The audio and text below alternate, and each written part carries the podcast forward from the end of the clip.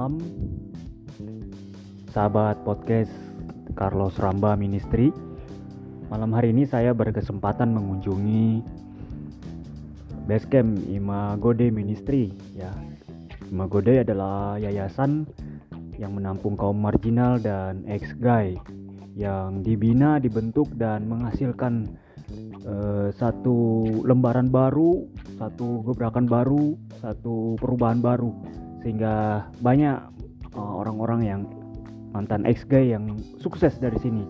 Saya pun mengenal mereka yang sudah bekerja dan menjadi misionaris di Filipina, di Thailand. Uh, mereka sukses. Ya, awalnya mereka mulai dari Imagode ini, satu base camp yang terletak di Romangun ya.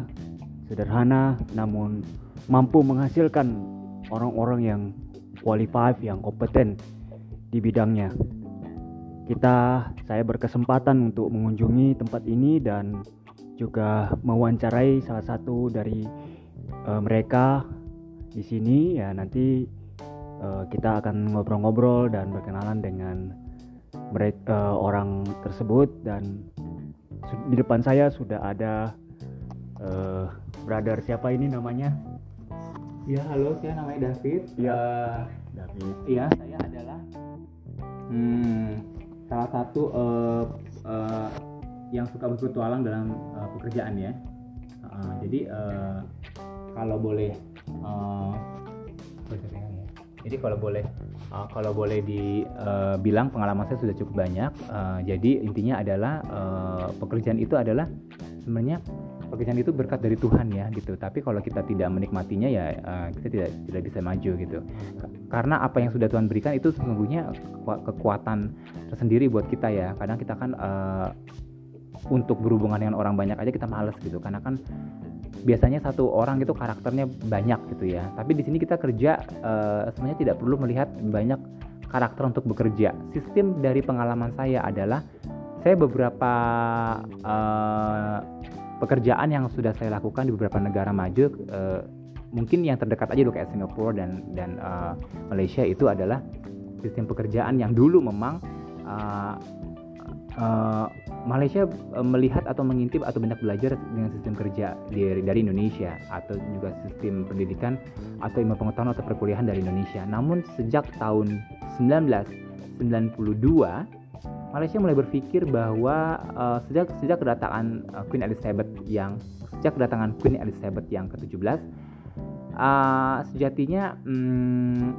Ratu Beatrix pun waktu uh, menjajah kita dia tidak ada memberikan format apa pun tentang pendidikan dan ilmu pengetahuan. Karena pada waktu itu memang Belanda hanya menjajah fisik dan uh, dari segi uh, praktikal untuk membuat suatu uh, bangunan dan suatu uh, racikan makanan seperti kue yang sekarang kita sering dengar dengan uh, namanya yang terkenal The Holland Bakery dan lain sebagainya.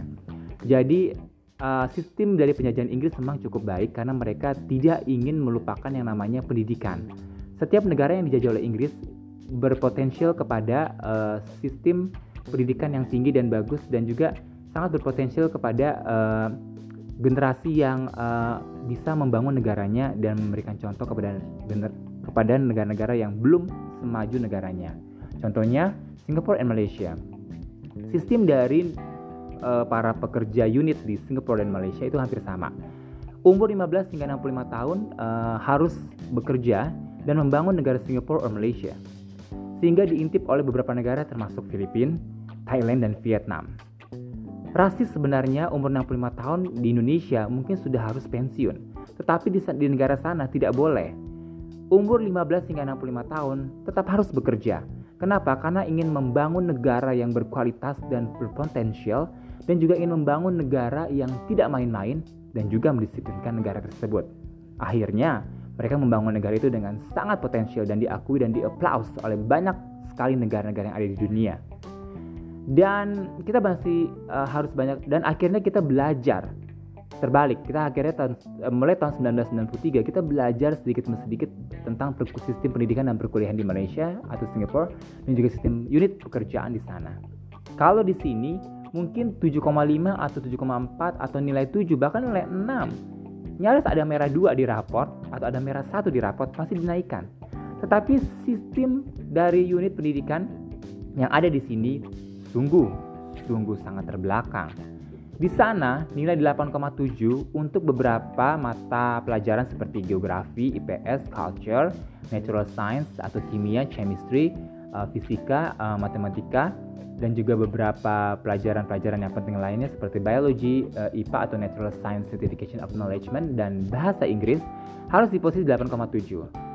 Dan nilai-nilai seperti kesenian, keterampilan olahraga harus di posisi 8,2. Kenapa? Karena mereka tidak main-main dalam pendidikan. Guru yang disediakan juga sangat berkualitas. Anak itu tidak boleh keluar kalau dia belum mengerti dan belum bernilai 8,7. Sistem di sana memang seperti itu. Uh, kita mengintip dari negara Jepang dan Korea. Korea mengintip dari negara Jepang. Tahun 2029 Korea ingin menyamakan Jepang. Bisa atau tidak kita lihat saja nanti. Tetapi di situ membuat gerak Korea Utara bahwa negaranya sudah sangat sangat banyak ketinggalan dan sistem penyesalan dari Korea Utara adalah kenapa tidak dari dulu seperti Korea Selatan membuka uh, harapan baru atau membuka dirinya untuk negara lain, membuka uh, membuka peluang uh, keadaan uh, negaranya kepada negara lain dan mereka pastinya juga uh, bisa lebih maju dari negara kita. Dan akhirnya Singapura dan Malaysia menyatakan bahwa jobless inspection atau inspeksi orang-orang pengangguran di posisi tahun 2007 harus diadakan sebulan dua kali karena mereka tidak mau tahu umur 15 hingga 65 tahun umur 15 hingga hingga 60, umur 65 tahun harus membangun negaranya untuk bisa berkompetisi dengan negara-negara maju lainnya dan akhirnya mereka menang dan mereka bisa berkompetisi di delegasi perekonomian dunia. Terbukti, mata uang Singapura sekarang dolar Singapura itu lebih tinggi daripada dolar Australia dan mata uang ringgit itu sekarang lebih tinggi dari mata uang Filipina dan Thailand. Betapa mereka sungguh kompetitor dan mata uang dan negara yang mempunyai mata uang tinggi berarti negara yang mempunyai perekonomian yang bagus dan maju dan sistem atau tingkat penganggurannya bisa dibilang 0%. Ingin datang ke Malaysia atau Singapura?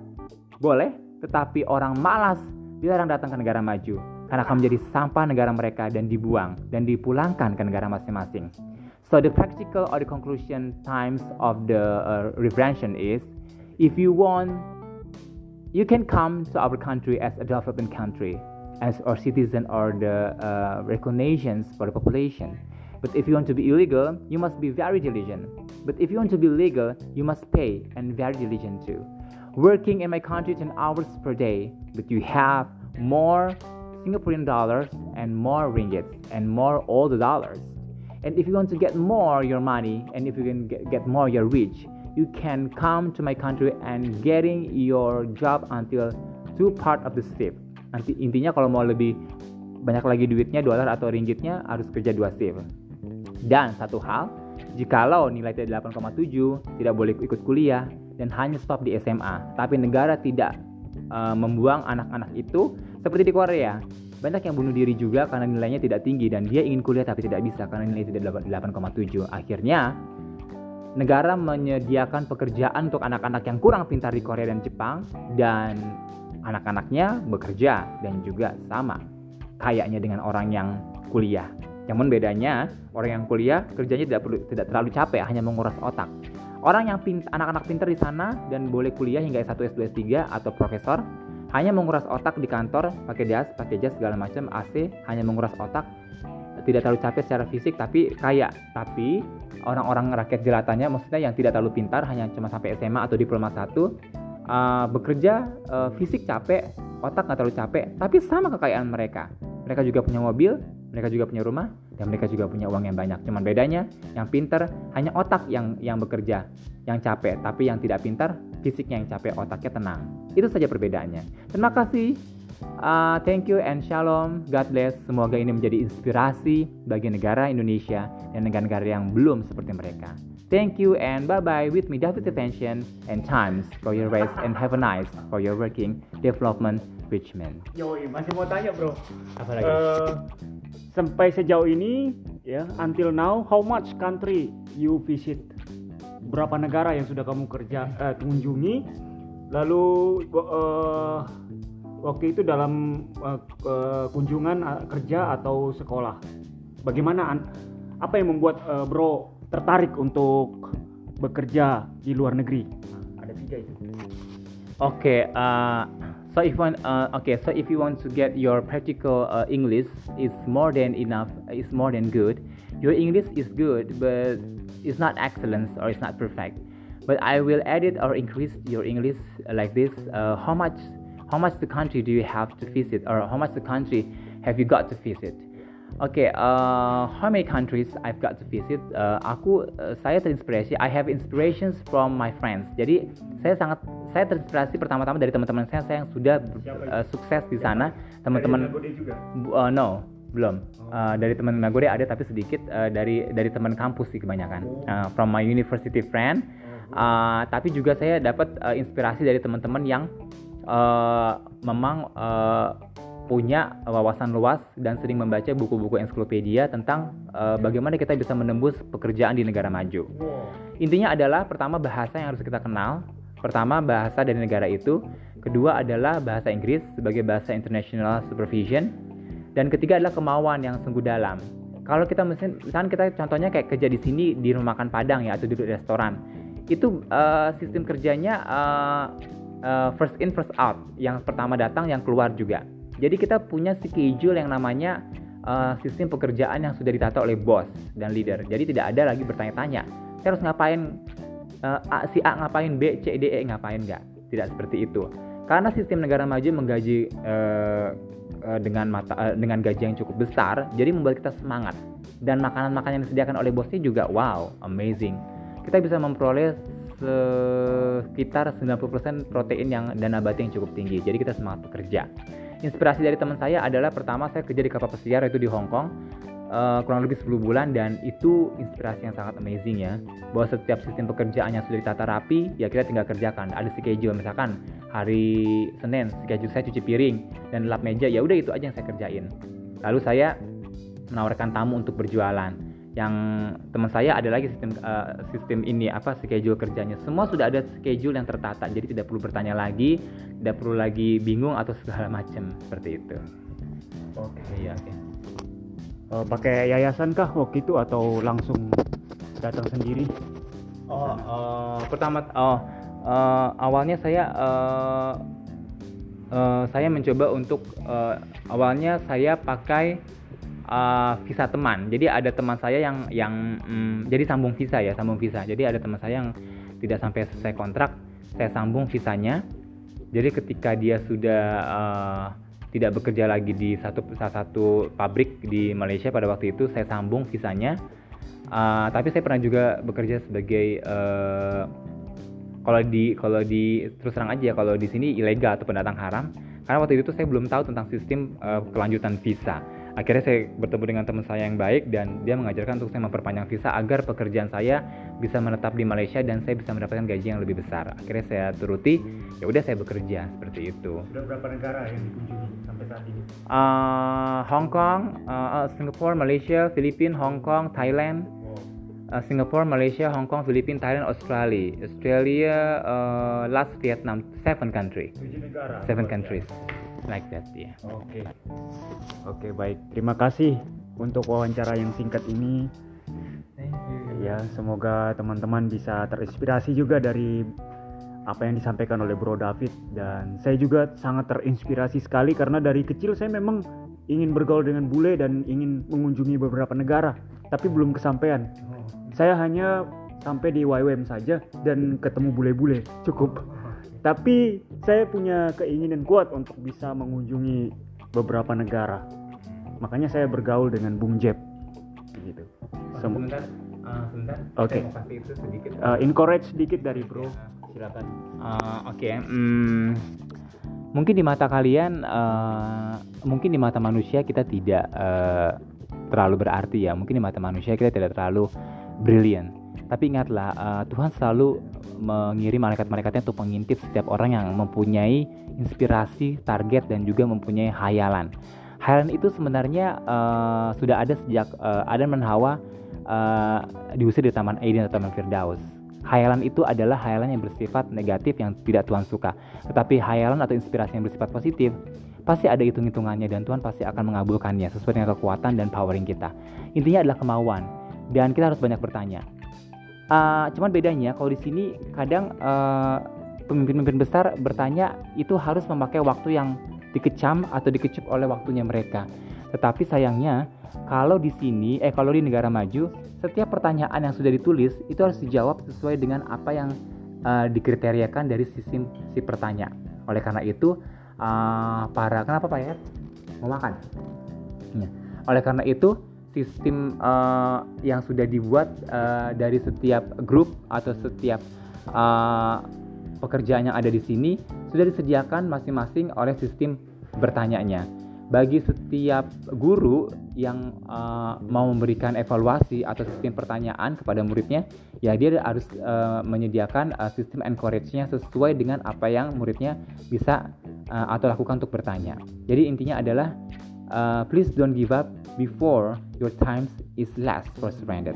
Jangan menyerah sebelum waktunya Tuhan. Waktunya Tuhan bukan waktunya kita, tapi kita akan terus maju jika kita selalu memakai sistem dan waktu inspirasinya Tuhan. Selamat mencoba dan selamat bekerja.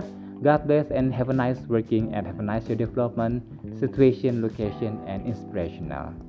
Thank you very much and God bless you. Oke. Okay, Apa ya? Makan. Itulah. Baik itulah berapa encourage dari Brother David. Ada telur sih. Kairos ya waktunya Tuhan luar biasa. Tiga kata dari Bro David. Iya. Tiga kata apa? Oh, untuk encourage tiga kata. Uh, three words from me. Uh, empowering, uh, realization, and uh, rescue. Uh, empowering realization and uh, rescuing, uh, rescuing uh, uh, involvement. Jadi uh, kekuatan, kemauan dan kemampuan. Yoi, mantap. Oke, sampai ketemu di uh, acara podcast berikutnya. Jadi tetap stay tune di podcast Carlos Ramba Ministry. Semoga podcast kita hari ini benar-benar mengencourage teman-teman, benar-benar menggugah, mengacu semangat teman-teman untuk bisa uh, belajar lebih lagi memacu diri untuk bisa uh, melihat dunia bukan hanya melihat Eh, sekitar kita, tapi kita belajar melihat dunia, bagaimana kita mengembangkan diri kita agar kita bisa bekerja sampai ke luar negeri, bisa menggapai mimpi dan bisa mendapatkan apa yang Tuhan inginkan yaitu menjadi bintang yang bersinar. Selamat malam, Tuhan memberkati. Amin.